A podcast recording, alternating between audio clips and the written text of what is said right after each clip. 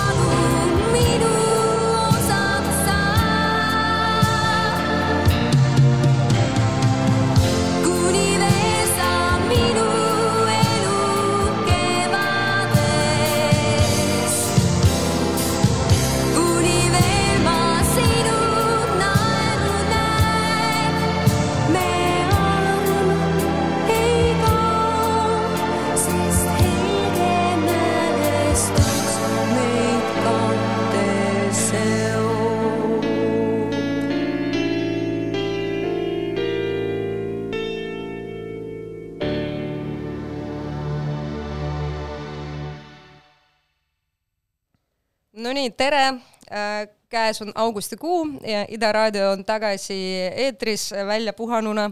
äh, ja konkreetsemalt on siis eetris praegu saade Materialism, ma olen Anne Vettik, saatejuht. Äh, lisaks mul on kaassaatejuht koer Piibu ka, et kui kuskilt kaugelt kostab haukumine, see ei ole mina ega mu külaline. saade räägib moest, disainist ja täna täpsemalt räägime ehtekunstist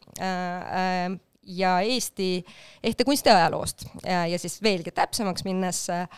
räägime praegu Tarbekunstimuuseumis olevast näitusest Juveelitehas, kohalik ilu. Kas ma ütlesin kõik õigesti, Kai?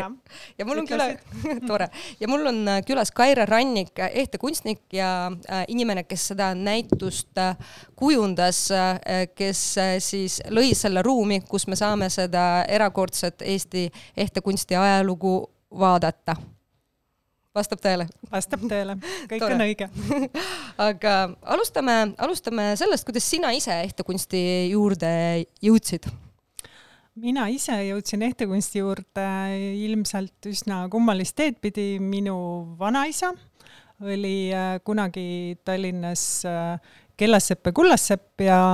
mina kahjuks ise teda kohanud ei ole, aga temast on äh, jäänud järgi nii mõnedki asjad ja tööriistad ja see oli minu lapsepõlve une, unistus, kui vanaema lasi mul nendega nagu mängida. et tema kunagine nii-öelda äri asus selle koha peal, kus praegu on Sõpruse kino Müürivahe tänaval, et see põles maha neljakümne neljanda aasta pommitamises ohoo, et ikkagi selline, selline ge geenikutsumus oli sinna. ma ei oska maailma. öelda, see oli nii lahe, kõik tööriistad ja see oli nii äge, et nagu et tundus esi... lahe ähm,. ja, ja mida sinu jaoks ehe tähendas kunagi alguses, kui sa hakkasid ehetega tegelema ja noh, ütleme väärismetallidega ja kogu selle maailmaga ja kuidas on äh, sinu jaoks ajas muutunud see suhe ähm,? mulle kõigepealt pakkus tegelikult pinget nagu materjal kui selline, et see oli materjal, mis nagu vajas nagu väga head äh, niisugust ekstra lähenemist, sa pidid teadma, mis sa temaga teed, kuidas sa temaga teed, sest muidu tegi tema sinuga lihtsalt seda, mis tema tahtis. et kuidagi algusaastatel oli see võib-olla nagu väljakutse, et äh, panna materjal niimoodi käituma ja ütlema seda, mida mina tahan, et nüüd hiljem võib-olla ma olen ka muutunud tolerantsemaks või laisemaks, et vahest on ka lahe, et et, et kui juhtub asju, mis juhtub, aga et see materjali ja kuidagi selle ruumilise oleku võlu on minu jaoks alati nagu hästi oluline olnud, et, et mis ta mulle nagu tähendab, et ta on selline kunstiline eneseväljendus, selle kaudu on võimalik teistele midagi öelda, et et kindlasti ta ei ole niisugune pelgalt dekoratsioon või mingisugune nagu kuidas ma ütlen, selline iluäsjakene, vaid pigem ikkagi minu jaoks kannab ta tihti sõnumit ja ütleb midagi, tahab kellegiga rääkida, tahabki millegile tähelepanu juhtida, et ta on ikkagi nagu eneseväljendus um,. kui palju ehteid sa kannad ise, ma vaatan, et sul ei ole praegu väga palju ehteid. ei ega ma ei olegi väga hea kandja, et see on ka hästi naljakas küsimus, et, et um, vahest ikka kannan aga noh, praktilistel põhjustel, et ega ma ei saa ju ise midagi teha, kui mul käed on äh, sõrmusaid täis ja muidu olen jube ilus, et et paratamatult on see ikkagi üsna nagu, üsna must töö, et mida inimesed ka sageli nagu ette ei kujuta hmm,. okei okay., aga kuidas sa jõudsid siis äh, ehtekunsti juurest äh, selle juurde, et sa oled kujundanud ka näitusi ja muuseas siis seda näitust, mis on praegu meil kohe, kohe teemaks? No ilmselt sihuke metsikute üheksakümnendate lõpus, kus kõike tuli ise teha ja aknad tuli ka kilekotiga kinni kleepida, et valgust tuppa ei paistaks äh, näitusesaalis, et et, et sealt see kuskilt nagu alguse sai, et mulle tegelikult nagu meeldib ruumiliselt mõelda, mulle meeldib nagu, nagu asjadega ruumis ähm, mingeid, ma ei oska isegi öelda, paigutusi teha või kuidagi mulle, mulle meeldib neile oma koht leida. ja eks ta sealt niimoodi tasapisi alguse sai, et keegi pidi seda ju tegema. Hmm. Jah, kui ja kui äh, ise ära ei tee, siis äh, noh, kes siis teeb, pluss ise teed kõige paremini, on ju. no just. Äh, kuidas äh, algas siis äh, sinu lugu kohaliku iluga? kohaliku iluga algas minu lugu niimoodi, et mind kutsusid siis oma meeskonda, näituse kuraatorid Kai Lobjakas ja Ketli Tiitser, kes olid juba nagu päris suure töö ära teinud, olid juba kõik need arhiivid enam-vähem läbi lapanud ja siis äh, otsisid omale kaasamõtlejad, kes siis aitaks selle kuidagi nagu ära vormistada ja kuna neile tundus, et mul on piisavalt nii seda materjalitunnetust kui ka nagu arusaamist nendest asjadest, et siis nad tegidki mulle ettepaneku. Mm.. mis mõtted sind siis esmalt valdasid, sest noh, ma kujutan ette, et see materjali kogus või noh, see tööde kogus on üpris suur, et äh, kuidas siis oli see esimene emotsioon? esimene emotsioon oli päris hirmuäratav, et nii suure nagu kogusega, seal on tegelikult ikkagi üle tuhande eseme, on ju, et et nii suure koguse nagu nii-öelda ikkagi loomingutöödega ei ole ma kunagi elus nagu näitust kujundanud, aga noh, samas seal on äh, ikkagi noh, nagu pärast, kui rahunesin ja nagu materjali läbi lappama hakkasin, siis ma sain aru, et seal on autorid, seal on nagu niisugused äh, koostööd, seal on nagu niisugust meeskonnatööd, et see on kuidagi nagu, nagu ikkagi nagu ta läheb süsteemi, et et, et paratamatult, et ta niisugusel ajajoonel ikkagi nagu sätib ennast mingitesse kümnenditesse, sätib ennast autoritesse, on ju, ja ja et ta on tegelikult täitsa hoomatav ja, ja kohutavalt põnev, et mis oli nagu hästi lahe, et mida, mida tõesti kõike on tehtud ja noh, arvestades seda ühiskondlikku konteksti, et noh, mille pärast seda kõike tehti, et tundus väga lahe väljakutse mm,. kaua see ütleme, protsess kestis, et äh, kaua sul aega läks, et hakata jõudma kuhugi kohale, kuidas siis see ruum sünnib? no natukene ikkagi läks, kuigi meil oli tohutu ajasurve kuklas, et ähm, oli vaja see nagu äh, umbes poole aastaga ikkagi nagu ära teha, et kuraatorid olid sellega ka eelnevalt tööd teinud, aga et niisuguseks reaalseks tööks jäi meil umbes neli kuud. ja no kui nagu. suht kõlab nagu rekord, noh. jah, et äh, see materjali hulk ja kõik see oli muidugi nagu hirmuäratav, aga hakkasime tasapisi närima ja, ja omavahel neid mõtteid mõtteid vahetama ja neid arusaamu ja, ja siis oligi nagu hästi niisugune tore koht oli see, et et siis kuraatorite nägemuses ja, ja mis mulle ka nagu väga meeldis, oli tegelikult nagu näidata seda, kuidas see protsess on tegelikult nagu, kuidas selle taga on palju inimesi, see on päris keeruline, et ei ole niimoodi, et ühelt poolt läheb materjal seisse ja teiselt poolt kukub glamuur välja, et, et inimestele kuidagi tundub, et oh,, mis seal siis ei ole, on ju, aga et et need on päris keerulised protsessid, päris palju inimesi on sellega seotud ja et et, et me näitaks ka tegelikult nagu osa seda protsessi ja et äh, ongi nagu filmidena ja ka selgitustena toodud näitusel välja nagu nii-öelda see must osa, kus siis toimub see musta töö tegemine või need ettevalmistused selleks kiiskavaks glamuuripoeks. jah, et äh, seal tõesti ütleme noh, tekib selline, selline tunne, et tõesti, et noh, pilk eksib ära, vaata, et äh, kõike on palju, mis minu arust on tore, et et selline hea noh, selline rikkalik tunne on kuidagi no, kuidagi eh, neid asju näha um, kas äh, sul on äh, selle tööprotsessi jooksul kujunenud välja mõned erilised lemmikud ka, mida näeb näitusel? Jaa, seal on, äh, nagu ma juba ennem ütlesin, et seal on väga palju asju ja tegelikult ma usun, et igaüks leiab oma lemmiku ja noh, leiab ka selles mõttes oma lemmiku, et eks ta on natukene selline nostalgialaks ka. et äh, kõik need, kes on niisugused äh, neljakümne maksimumringis või sealt natuke vanemad, et nemad kindlasti ja ma arvan, et ka tegelikult nooremad on ju teavad, et aa, emal olid sellised või vanaema kandis selliseid või meil seisis kodus alati selline küünlajalg, on ju, et et minu isiklikud vaieldamatud lemmikud on muidugi nagu vormid, et see tundub täiesti uskumatu, milliseid nagu hõbeserviise tegelikult on toodetud, küll väga üksikuid ja väga valitutele, aga kogu see, kogu see töömaht, see vormikõne ja, ja see materjali käsitlus ja, ja see on nagu täiesti minu jaoks nagu tõesti silmi pimestav või kuidagi väga äge et ähm, noh, nagu kellel meil, meil on kodus äh, nõukogudeaegne hõbeserviis, mitte kellelgi ilmselt on ju. nojah et..., ei teagi, võib-olla mõnel seal, kellel vanaisa oli kuskil parteis heal kohal no,, et neil äkki seisab, on ju.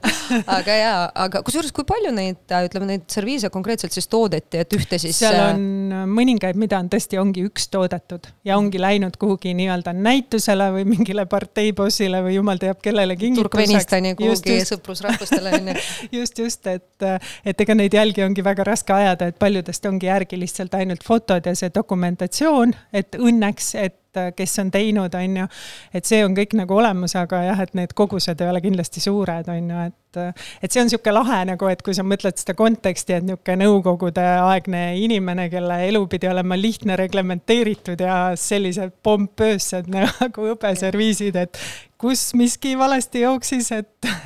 et mis juhtus, on ju, et, et see niisugune paralleelmaailmade olemasolu on päris, päris kummastav paneb veidi mõtlema sellele ka see Putini see kultpalee, vaata kuskil Sotšis või kus tal on tegelikult no, jätkub jah, sama, sama loogika, on ju, seal äh, riigis mm. äh, vähemalt. aga sul on ka äh, muusika äh, välja valitud, räägi palun sellest ansamblist äh,, mille, mille lugusid me siin kuulsime alguses ja kuulame veel ähm,. paljudele võib-olla ei ole teada, et niisugune kaheksakümnendate ja üheksakümnendate popansambel nagu Pro viis kaheksa kolm oli siis nii-öelda juveelitehase šefluse all või kuidas seda omal ajal nimetati, nagu tegutsev ansambel et kes siis sai nende juurest prooviruumid ja siis ka meile teadaolevatel andmetel Lauri Laubre siis ka mingil viisil töötas juveelitehases, et et tegid nad seal proovi, et äh, neil olid imelised lauljad, äh, Tea Paluoja, Indrek Patte ja veel mõned ja neid laule me tegelikult äh, tunneme noh, enamus ikkagi teab, on ju, nüüd juba uutes cover ites, uutes esitlustes, aga et, et need on jah, nagu siis kullaprooviga laulud sellest ajast. okei okay,, kuulame siis äh, ühte nendest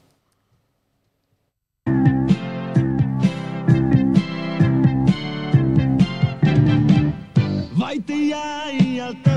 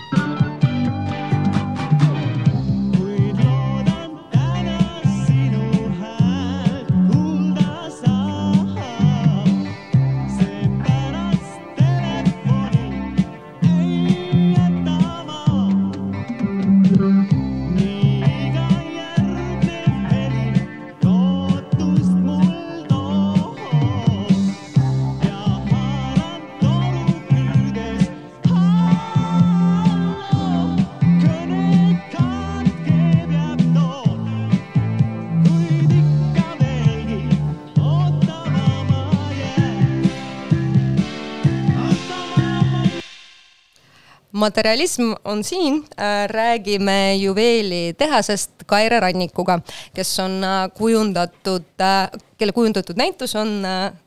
Tarbekunstimuuseumis avatud kõigile vist oktoobri algus on ju täitsa, on ju? jah. Mhm. siin vahepeal, kui muusika mängis, rääkisime korraks autorluse teemast, et kas nendel ilusatel asjadel, mida siis sai osta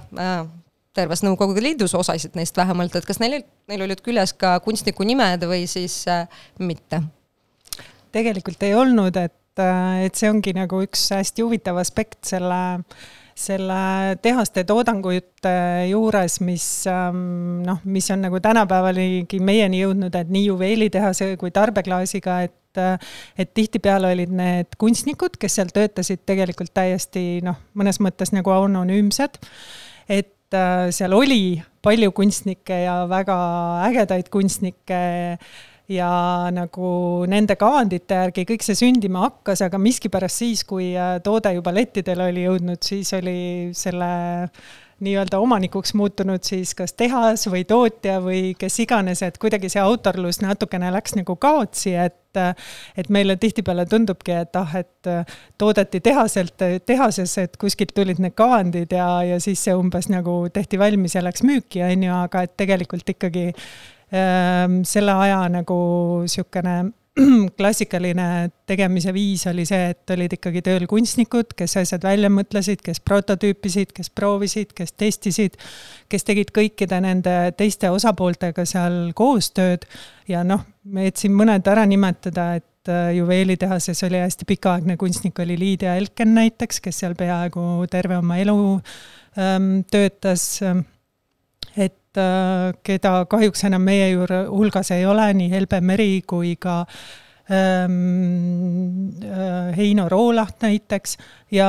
on ka osasid, kes on äh, siiamaani tegusad, nagu näiteks Krista Laos, Mari Käbin, et ähm, Tamara Sergienko, et et väga lahe on vaadata, kust nemad oma nagu teed on alustanud, et millistele väljakutsetele nagu vastu seisnud ja, ja milliseid probleeme lahendanud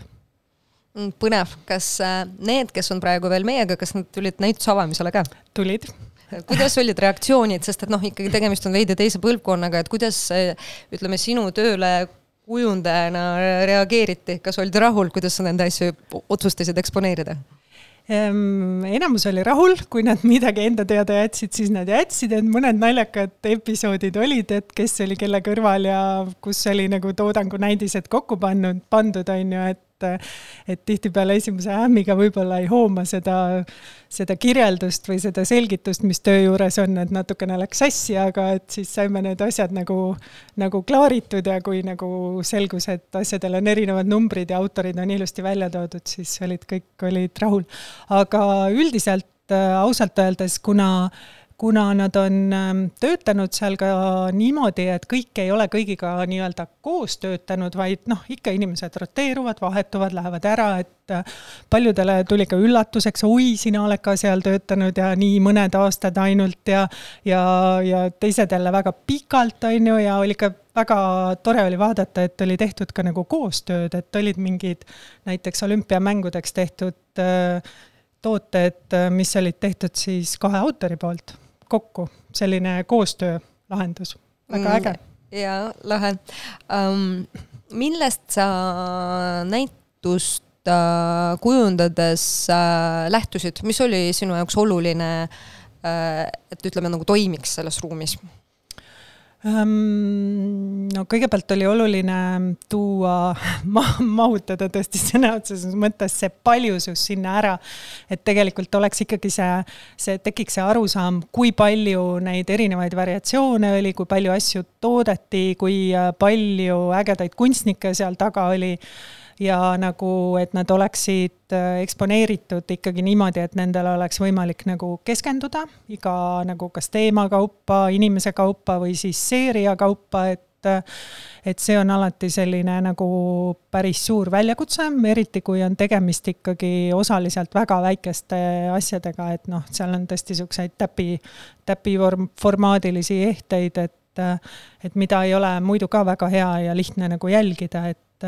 et see oli oluline ja siis nagu nende vormide ja lusikate puhul kindlasti see nagu seeria viisilisus või see, et et ütleme, ühest nagu seeriast on supikulbist kuni siis nagu sidrunikahvlini tõesti ja suhkrusoolelusikani, et kõik tooted tegelikult olid olemas ja ja sinna vahele veel nagu teesõelad ja, ja sellised tooted, mis tänapäeval tunduvad ikka veidrad, et miks peab sidrunil oma kahvel olema, aga noh, tee joomiskultuur ja kõik oli hoopis teine. et ja siis vormide puhul tõesti see, et nad oleksid võimalusel nagu mitmest küljest jälgitavad, et äh, sellest tuli ka see otsus, et tõsta nad natukene kõrgele ja jätta nagu nii-öelda kahelt poolt vaadeldavaks, et oleks võimalik hoomata selle nagu vormi liikuvust ja tema nagu omapära. Äh, kui sa mainisid ehteid, siis mul kohe kuskilt alateadvusest tuli, ujusid välja need väiksed kellukesed, kõrvarõngad mis noh, ma oletan, et nagu neid toodeti ikka nagu üle miljoni, et, et igal Eesti naisel vist nagu, kes on kaheksakümnendatel sündinud, on need kõrvus olnud. jah, on väga palju on selliseid tooteid, et tegelikult see ongi selle näituse hästi suur võlu, et et, et kui sa lähed ja vaatad, on ju, et siis sa kindlasti leiad sealt tõesti midagi tuttavat, et kui sul omal ei ole olnud, et siis tõesti on kellelgi sõbrannal olnud või et tead, et oma, oma esimese iseteenitud raha eest joosti sinna ja osteti need kellukesega kõrvarõngad, on ju. ja, ja noh, kõrvaaugud pidid ka vanematelt äh, välja pressima no, läbi suurte-suurte läbirääkimiste, et et äh, jah, väga hea selline äh, manipuleerimise asi oli see kõrvaaukude asi, et tänapäeval ma pakun, see võib olla näiteks tätoveeringud, on ju mm. -hmm. et äh, ja aga aga kuidas sulle tundub, et noh, kui sinu käest on siis niimoodi äh, läbi käinud selline väga-väga äh, suur mass äh, juveelitehase toodangut, seda kunsti, kas on mingisugust ühisnimetajaid ka, mida sa enda jaoks hakkasid seal nägema, et sellist äh, Eesti siis ehte iseloomu või vähemalt selles ajastus? Äh, mis on huvitav tegelikult, äh, kuigi see tundub nagu sellise mm, nii-öelda ikkagi suhteliselt masstootmise puhul nagu, nagu noh, niisugune, kuidas ma ütlen, niisugune kahtlane, aga ikkagi on ära tunda kunstnikud, nende käekirjad, nende ükstapuha kui väikseks, kui modifitseeritud, kui nagu tehnoloogiliselt võib-olla nuditud need asjad ei ole, et neid oleks lihtsam toota, on ju, aga need inimesed on äratuntavad, on ju, et kellele loodus, kellele vorm, on ju, et kuidagi see jookseb sealt läbi. ja noh, rääkimata muidugi üheksakümnendate aastate algusest, kus prooviti teha ka sellist nii-öelda autoritiraaži või autoriseeriat, et seal olid mõned tööd, mis tundusid, et noh, tõesti ongi nende autorite nagu, nagu loomingust välja võetud, et see ei ole võimalik, et see on nagu tehase toodanguna nii-öelda katalogiseeritud, aga on tõesti, et et see on minu meelest kõige lahedam, et tegelikult on need autorid on ikkagi äratuntavad um,. kuidas um, kuidas ütleme, erineb sellise autori eh-, ehte loogika sellisest noh, ma ei tea, siis äh, massi ehte tootmise loogikast, et kuidas näiteks kasvõi see väljamõtlemisprotsess on erinev, et räägi sellest siis kui ehte kunstnik, mitte kui äh, kujundaja ähm,. ma ei tea, kas ma suudan neid rolle niimoodi nagu lahku lüüa, aga küllap ma olen sellest nii läbi imbunud, et, et ma arvan, et need protsessid on tegelikult üsna sarnased, et, et see algus on kindlasti see ideestamine ja, ja noh, ütleme, et ma, ma väga täpselt ei tea, kui palju neile ette öeldi. Nad ise ka ei ole seda väga täpselt kommenteerinud, et aeg-ajalt ikkagi öeldi, et tuleb nüüd teha noh, näiteks koelaehteid, on ju, või tuleb teha mingi uus lusikaseeria, on ju, et aga ja mingisugused plaanid ja numbrid neil ka olid, aga üldiselt olid nad äh, ikkagi suhteliselt vabad oma nagu nii-öelda lahenduste pakkumises, on ju, et sealt edasi olid küll komisjonid ja asjad ja kindlasti tehnoloogiliselt neid asju nagu nuditi, on ju, aga juhtub ka ehtekunstniku loomingus, et see idee võib tohutult lennukas olla, aga kui sa ikkagi aru saad, et see materjal nii ei taha, siis eks tuleb ka seal kompromisse teha, nii et ma arvan, et need tegelikult need protsessid kui sellised on üsna sarnased, et võib-olla seal tehases lihtsalt äh, sinul kui kunstnikul on äh, kasutada suurem nagu meeskond, tugijõud, kes sind kõik aitavad ja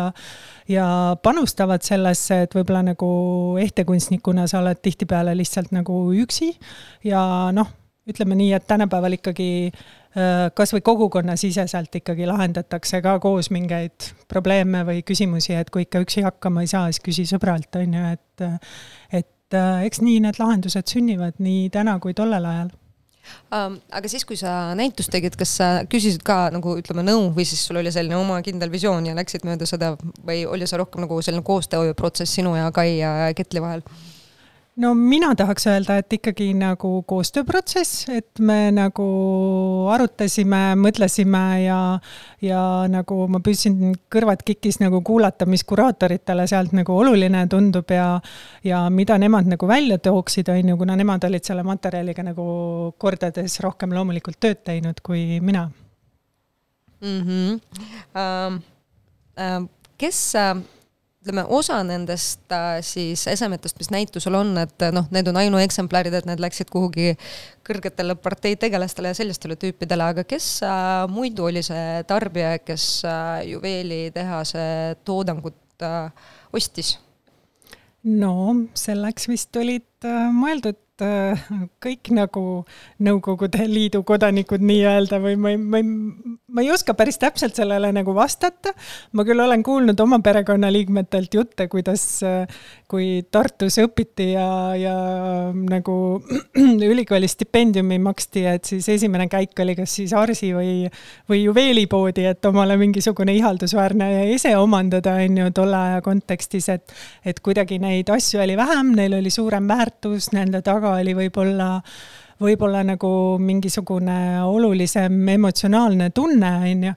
et äh, aga noh, need, mis mööda ilma rändama läksid, on ju, et, et äh, ma pean ütlema, et mina ei mäleta seda aega, et, et, et ma oleks käinud, ma olin muidugi nii väike, et et ma oleks käinud kuskil juveelipoes ja, ja neid asju müügist näinud, aga no mul on, äh, noh, mul on see emotsioon meeles, et äh, kuidas mu, noh, mu Eesti vanaema oli selline väga asjade inimene, et kuidas temal ikkagi üle alati, noh, tal ei olnud muidugi neid uhkeid serviise, aga noh, mingisugune lauahõbe nii, et kuidas neid asju ikkagi, kui on mingi juubel, pannakse välja niimoodi, et ikkagi on pandud ilusti lauale serveering ja et et ikkagi selline jah, et staatuse sümbol oli, et noh, sa kuulusid nagu teatud, ütleme siis teatud rühma siis, kui sul need ju, juveelitehase asjad olid kodus, et, et vähemalt paistab niimoodi. aga kuulame, kuulame muusikat, et äkki siis midagi veel äh, meie Kullaproovi ansamblilt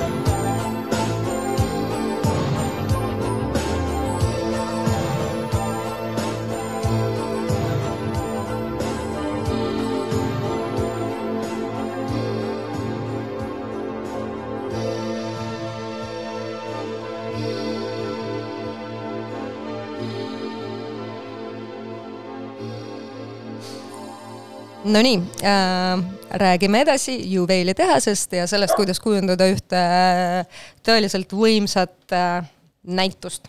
siis äh, aga räägiks sellest, äh, mida, mida saaksid äh, noorema põlvkonna ehtekunstnikud õppida nendelt Nendelt siis, kes töötasidki juveelitehases, et sellise ütleme kuuekümnendate, seitsmekümnendate, kaheksakümnendate tegijad no eks vanematelt põlvkondadelt on alati õppida, ütleks ma siin juba üsna vanema põlvkonna esindajana, aga, aga kindlasti, ähm, kindlasti seda, et igasugustes oludes, igasugustes tingimustes on võimalik äh, ikkagi äh, endast midagi edasi anda, et äh, see on minu meelest tähelepanuväärne, et, et ei ole nii, et et see nõukogude aeg muljus kõik nii ära, et sealt mitte midagi ei tuli, ei tulnud, et tuli ainult konservikarpe ja alumiiniumist kahvleid, on ju, ei olnud nii, et tuli, tuli tegelikult päris ägedat loomingut ja väga, läbi väga ägedate loojate, et et ma loodan, et see, see teadmine ei vaju vast kunagi unustuse hõlma? Jah, et võib-olla isegi need keerulised tingimused ongi selline kütus loomingule rohkem kui väga head ajad, siis kui kõik on lubatud. No eks äh, inimese eluetapis on nii erinevaid perioode, et eks neid raskeid hetki võib olla, olla ka nii-öelda kergemates ühiskondlikes oludes, aga et, äh, et kindlasti see, juba see valik, et, äh, et kunstnikuks hakata või hakata midagi looma, et juba see on päris julgust nõudev ähm,.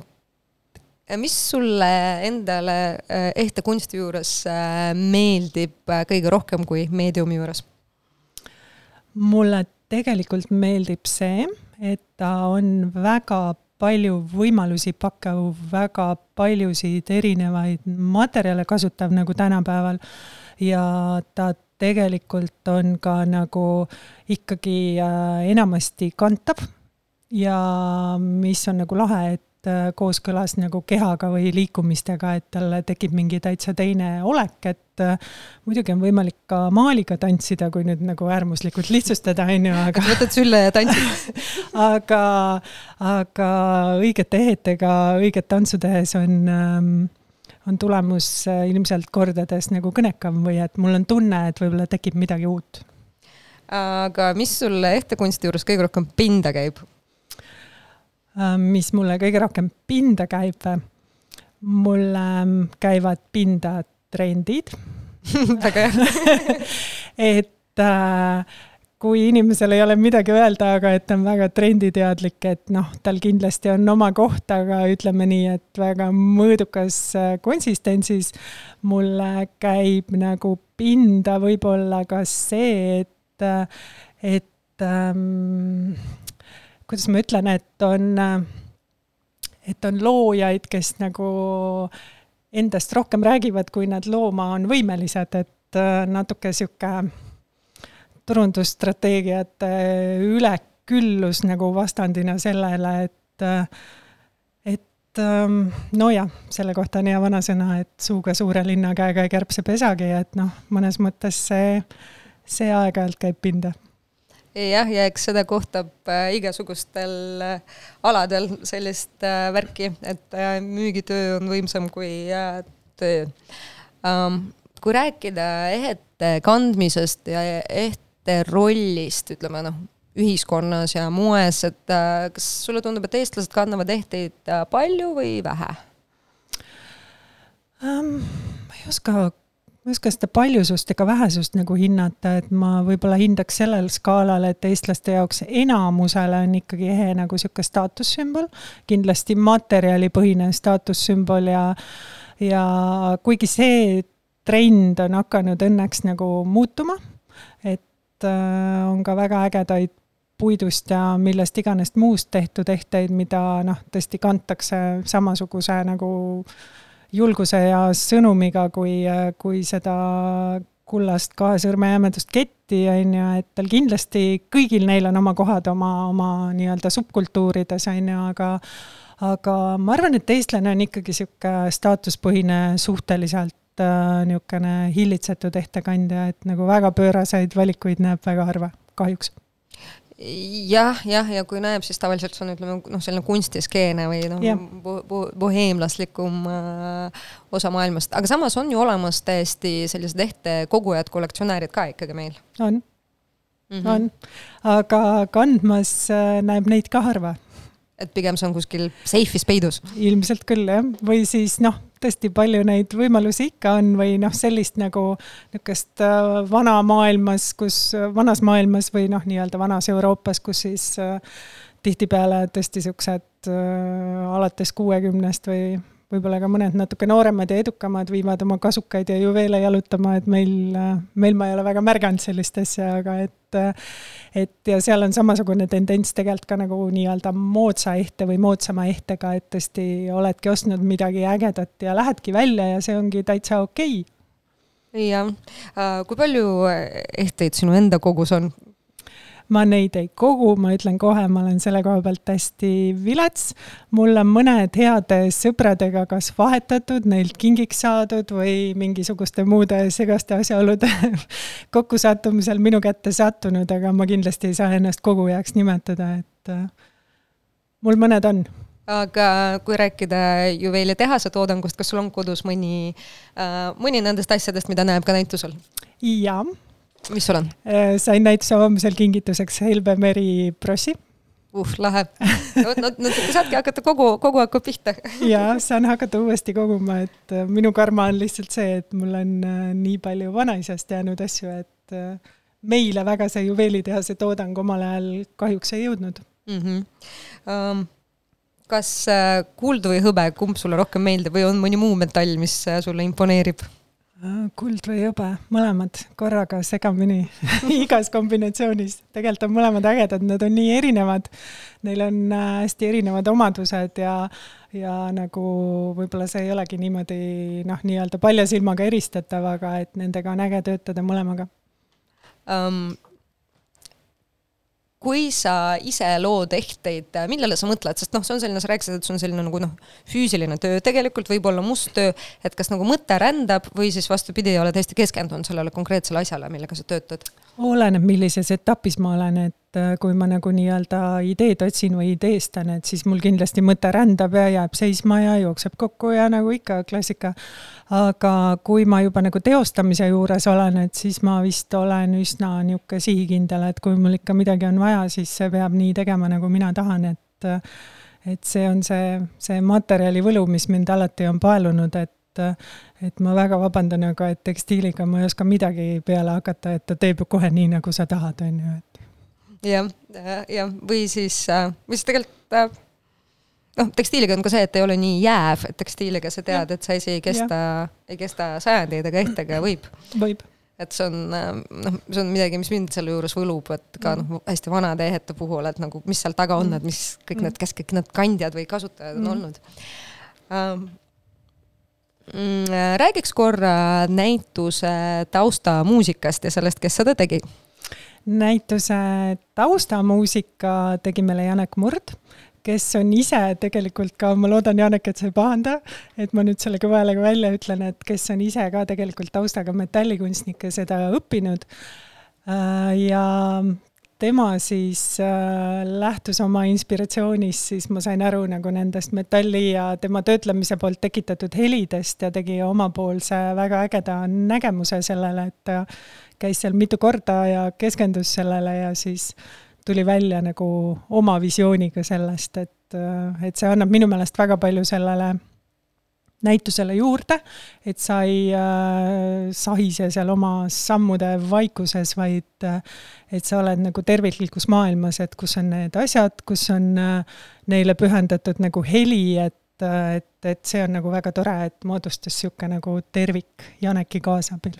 ja siis ähm, üks ähm, tore metallitaustaga inimene, kes meid veel aitas, oli Virko Veskoja, kes siis tegi need Äh, videod, kus saab siis seda töö tegemise protsessi jälgida, et, äh, et äh, temale nagu eriala tundvana inimesena ei olnud ka nagu keeruline neid asju nii-öelda liikuvale pildile püüda, et, et, et see ongi nagu selline mõnes mõttes nagu metalli taustaga inimeste koostöö. väga tore, kuulame siis ühte Janeki lugu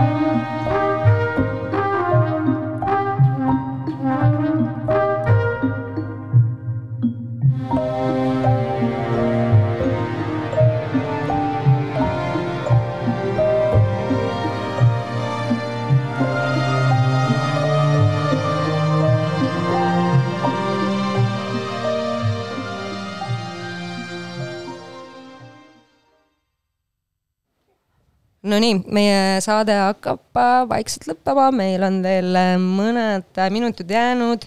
ja mina äh, tahaks rääkida ühest asjast, mis on nagu need kellukeste kõrvarõngad,